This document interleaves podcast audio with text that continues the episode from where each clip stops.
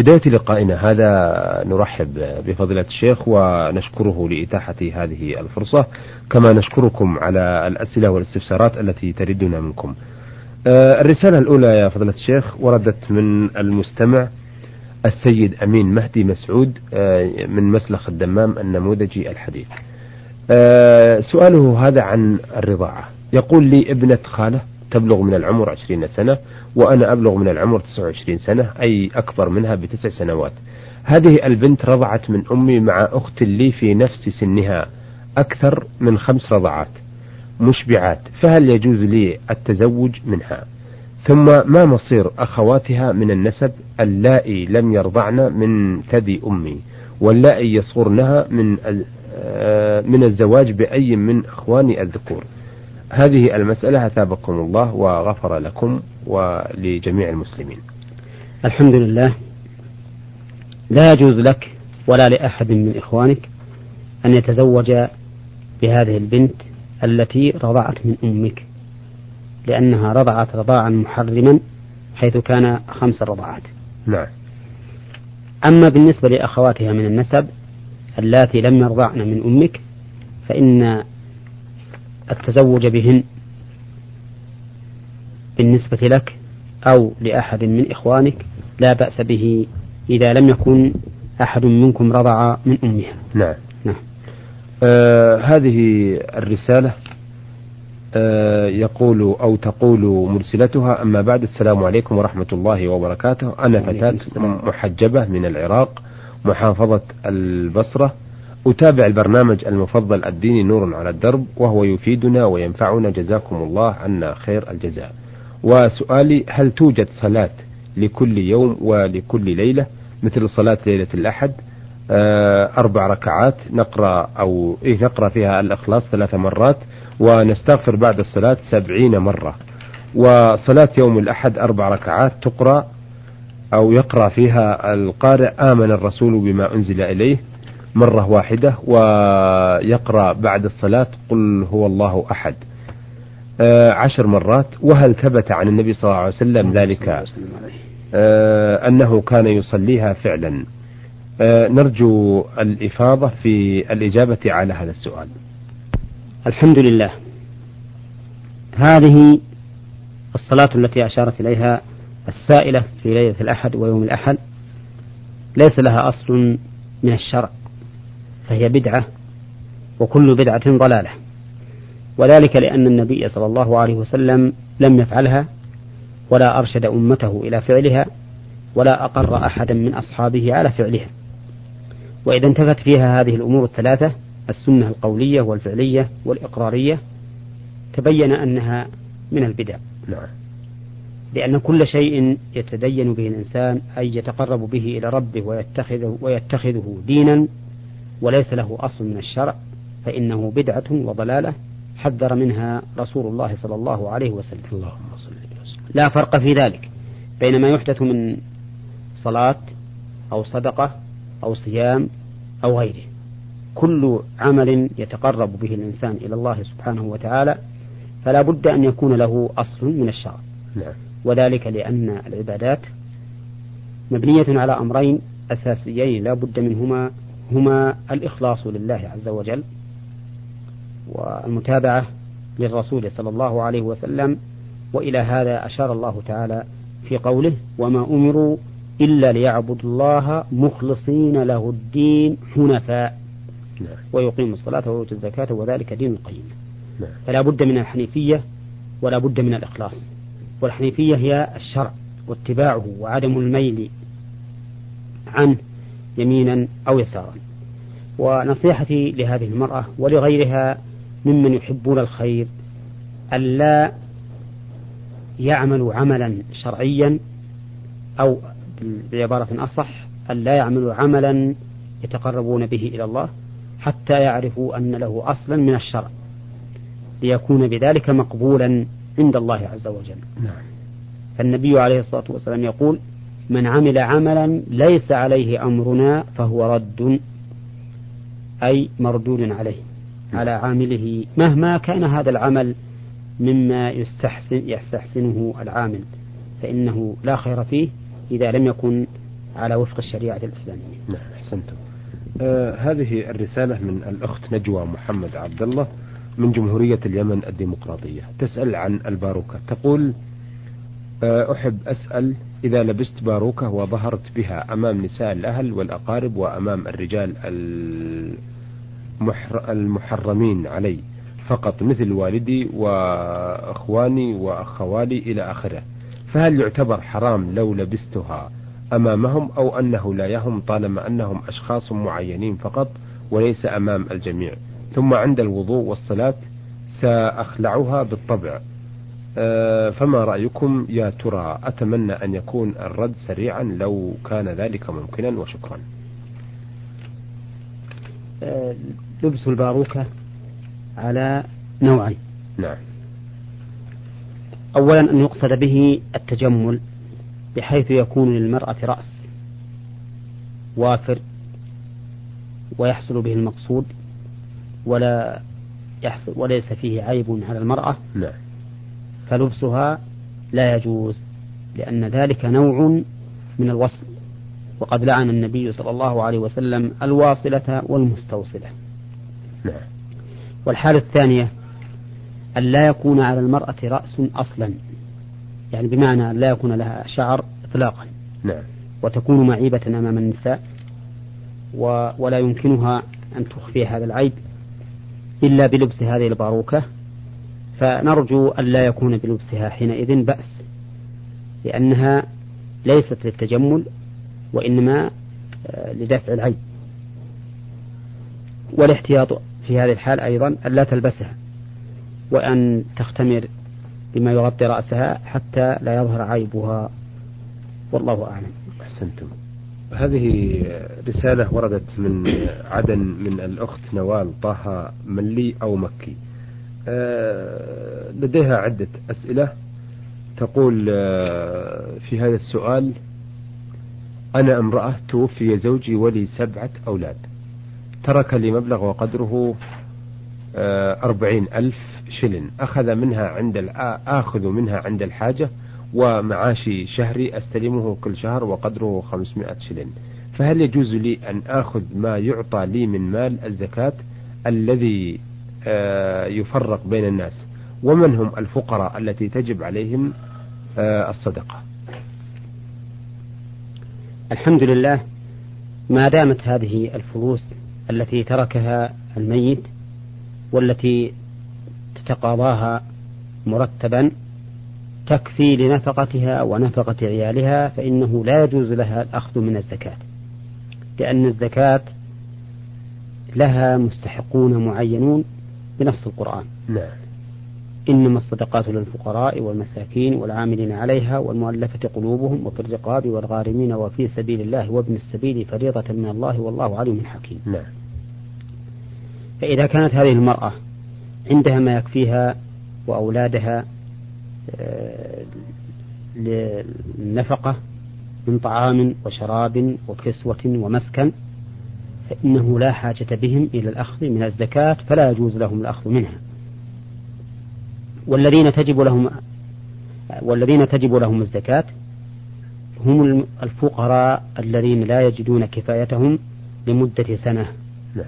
على ما قاله أهل العلم فإذا كان عند الإنسان ما يكفيه لمدة سنة من نقود حاضرة أو مهنة آه، مستمرة أو مغل ثابت فإنه حينئذ لا يجوز له الأخذ من الزكاة نعم.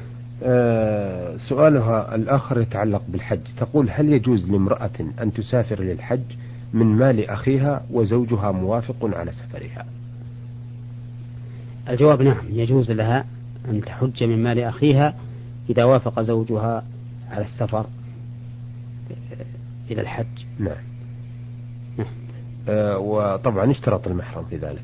نعم لا بد من لا بد من وجود المحرم. نعم.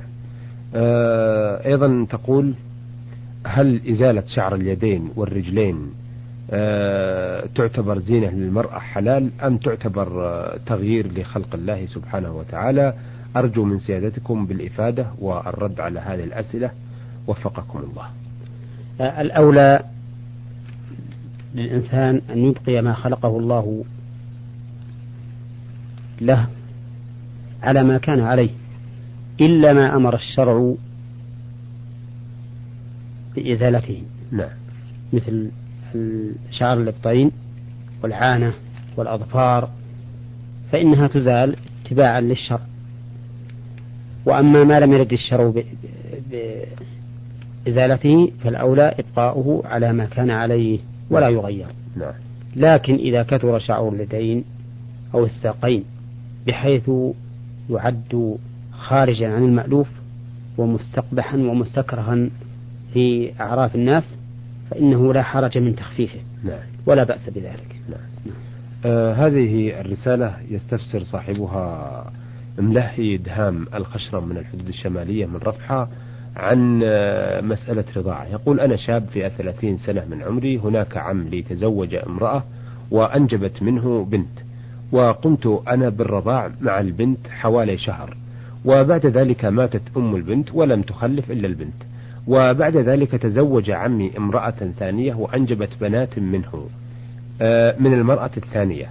هل يجوز لي أن أتزوج إحدى البنات أم لا؟ أفيدونا جزاكم الله. ألف خير لأني محتار جدا. الحمد لله. ما دمت رضعت من زوجة عمك لمدة شهر؟ فإنك تكون بنا لعمك.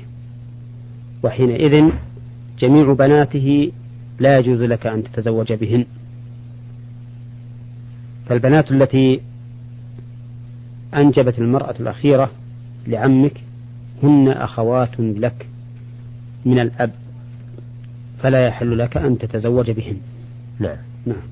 طيب آه، لو كان آه، المسألة ما مثلا نقول معكوسة مثلا آه، رضع من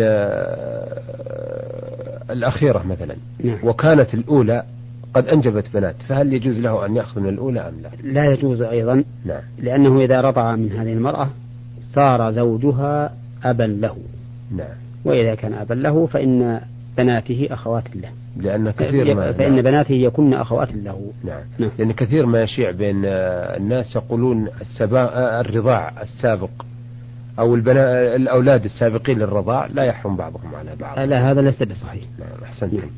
آه هذا السؤال من آه نون سين عين من اليمن الشمالية ذمار مدرسة بلقيس للبنات. وأعتقد أنها امرأة آه ذكرت اسمها لكنها فضلت أن آه، نذكر الرموز فقط.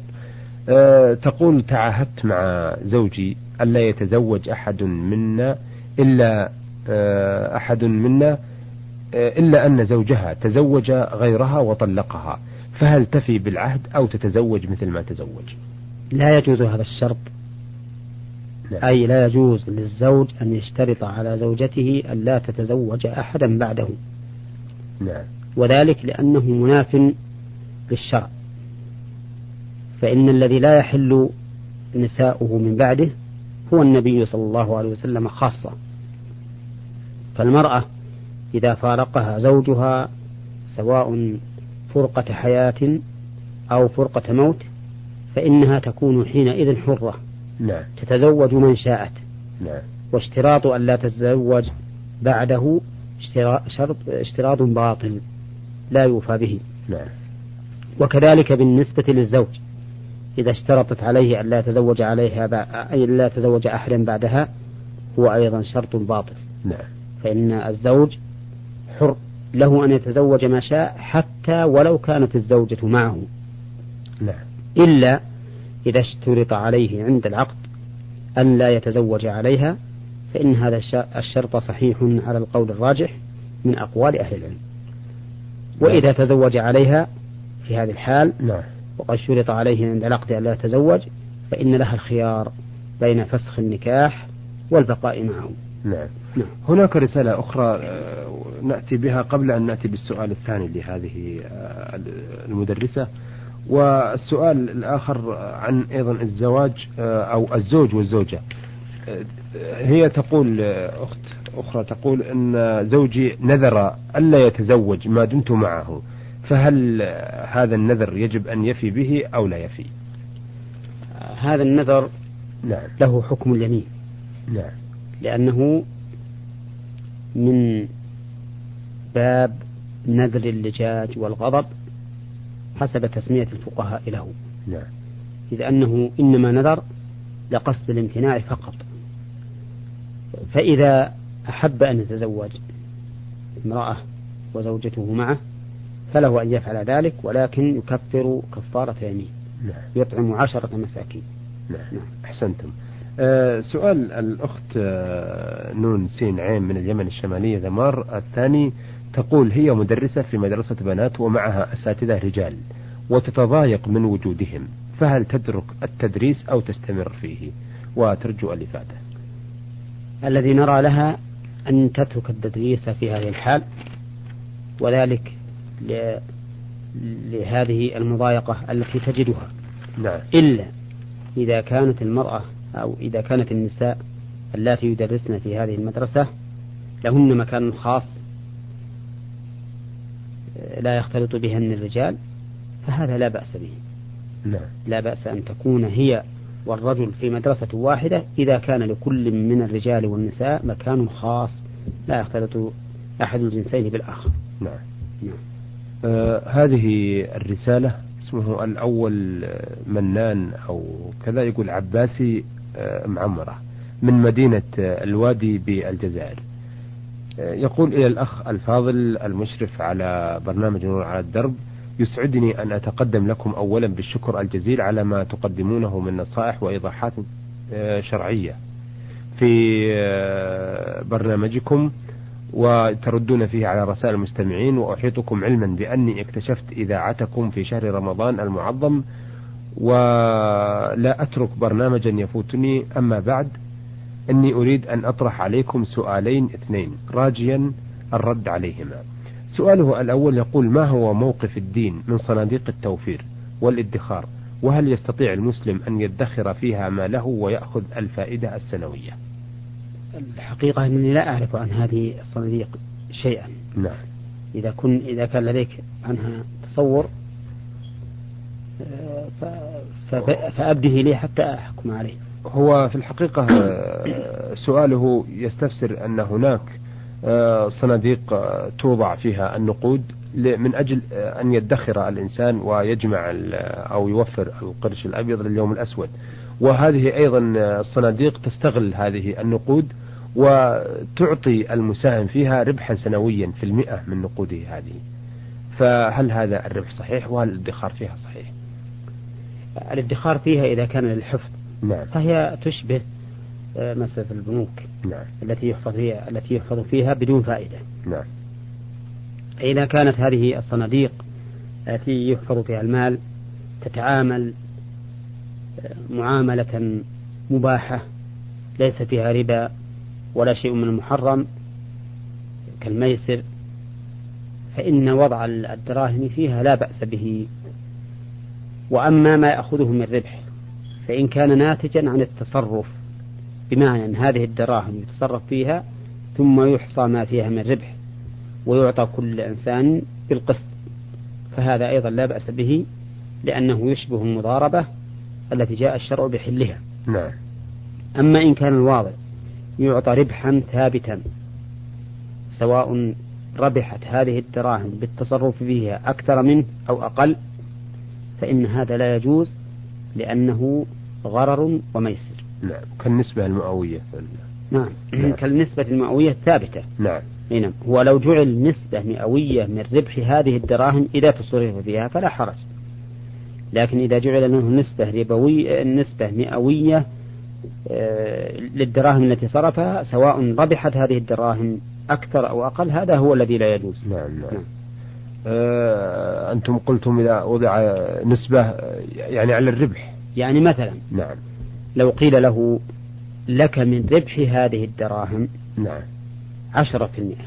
نعم. صار معناه أنه يأخذ عشر ربح هذه الدراهم إذا ربحت. نعم. ربحت قليلا أم كثيرا. نعم.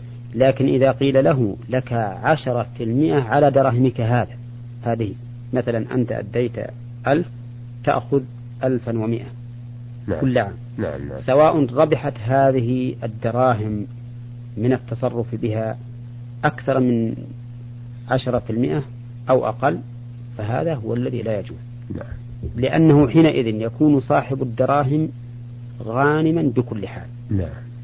والمتصرف العامل بهذه الدراهم قد يخسر وقد يربح. فيكون قرارا بينا. آه، إذا هناك تفريع على هذا السؤال آه، هو آه، لو كان مثلا فيه نسبة مئوية على الربح وهذا شيء جائز حسب ما تفضلتم لكن هناك ضمان على رأس المال هل يجوز أو لا يجوز؟ هو رأس المال ليس مضمونا. نعم. بعد التصرف فيه نعم. لأنه عرضة للخسارة. نعم. يعني مثلا لو اجتمع عشرة ووضعوا في هذا الصندوق عشرة آلاف ريال وقيل لهم سنتصرف في هذه الدراهم ولكم من ربحها عشرة في المئة. نعم. هذا لا بأس به. وفي هذه الحال إذا ربحت كثيرا أو قليلا فلهم العشر. نعم. العشر هذا من الربح قد يكون عشرة في المئة بالنسبة للدراهم الموضوعة وقد يكون أقل وقد يكون أكثر نعم. لأنه منسوب للربح لا للدراهم نعم. عشرة في المئة من الربح كما أنها لو خسرت أو تلفت فلا, فلا ضمان على العامل الضمان يكون على رأس المال نعم. أما لو قيل لهؤلاء العشرة الذين وضعوا هذه الدراهم في هذا الصندوق لكم عشرة في المئة بالنسبة لدراهمكم التي وضعتم لا بالنسبة للربح. يعني أننا سنعطيكم على رأس الحول بدلا من الألف ألفا ومئة. نعم. سواء ربح هذا المتصرف فيها قليلا أم كثيرا فهذا هو الذي لا يجوز. أحسنتم. نعم. فإذا آه النسبة المئوية إلى الربح لا بأس بها. نعم. والنسبة المئوية التي تعطى بالنسبة إلى المال هذه هي الممنوعة لأنها غرر أحسنتم. أيها السادة إلى هنا نأتي على نهاية هذا اللقاء. آه، أجاب فضيلة الشيخ آه، محمد بن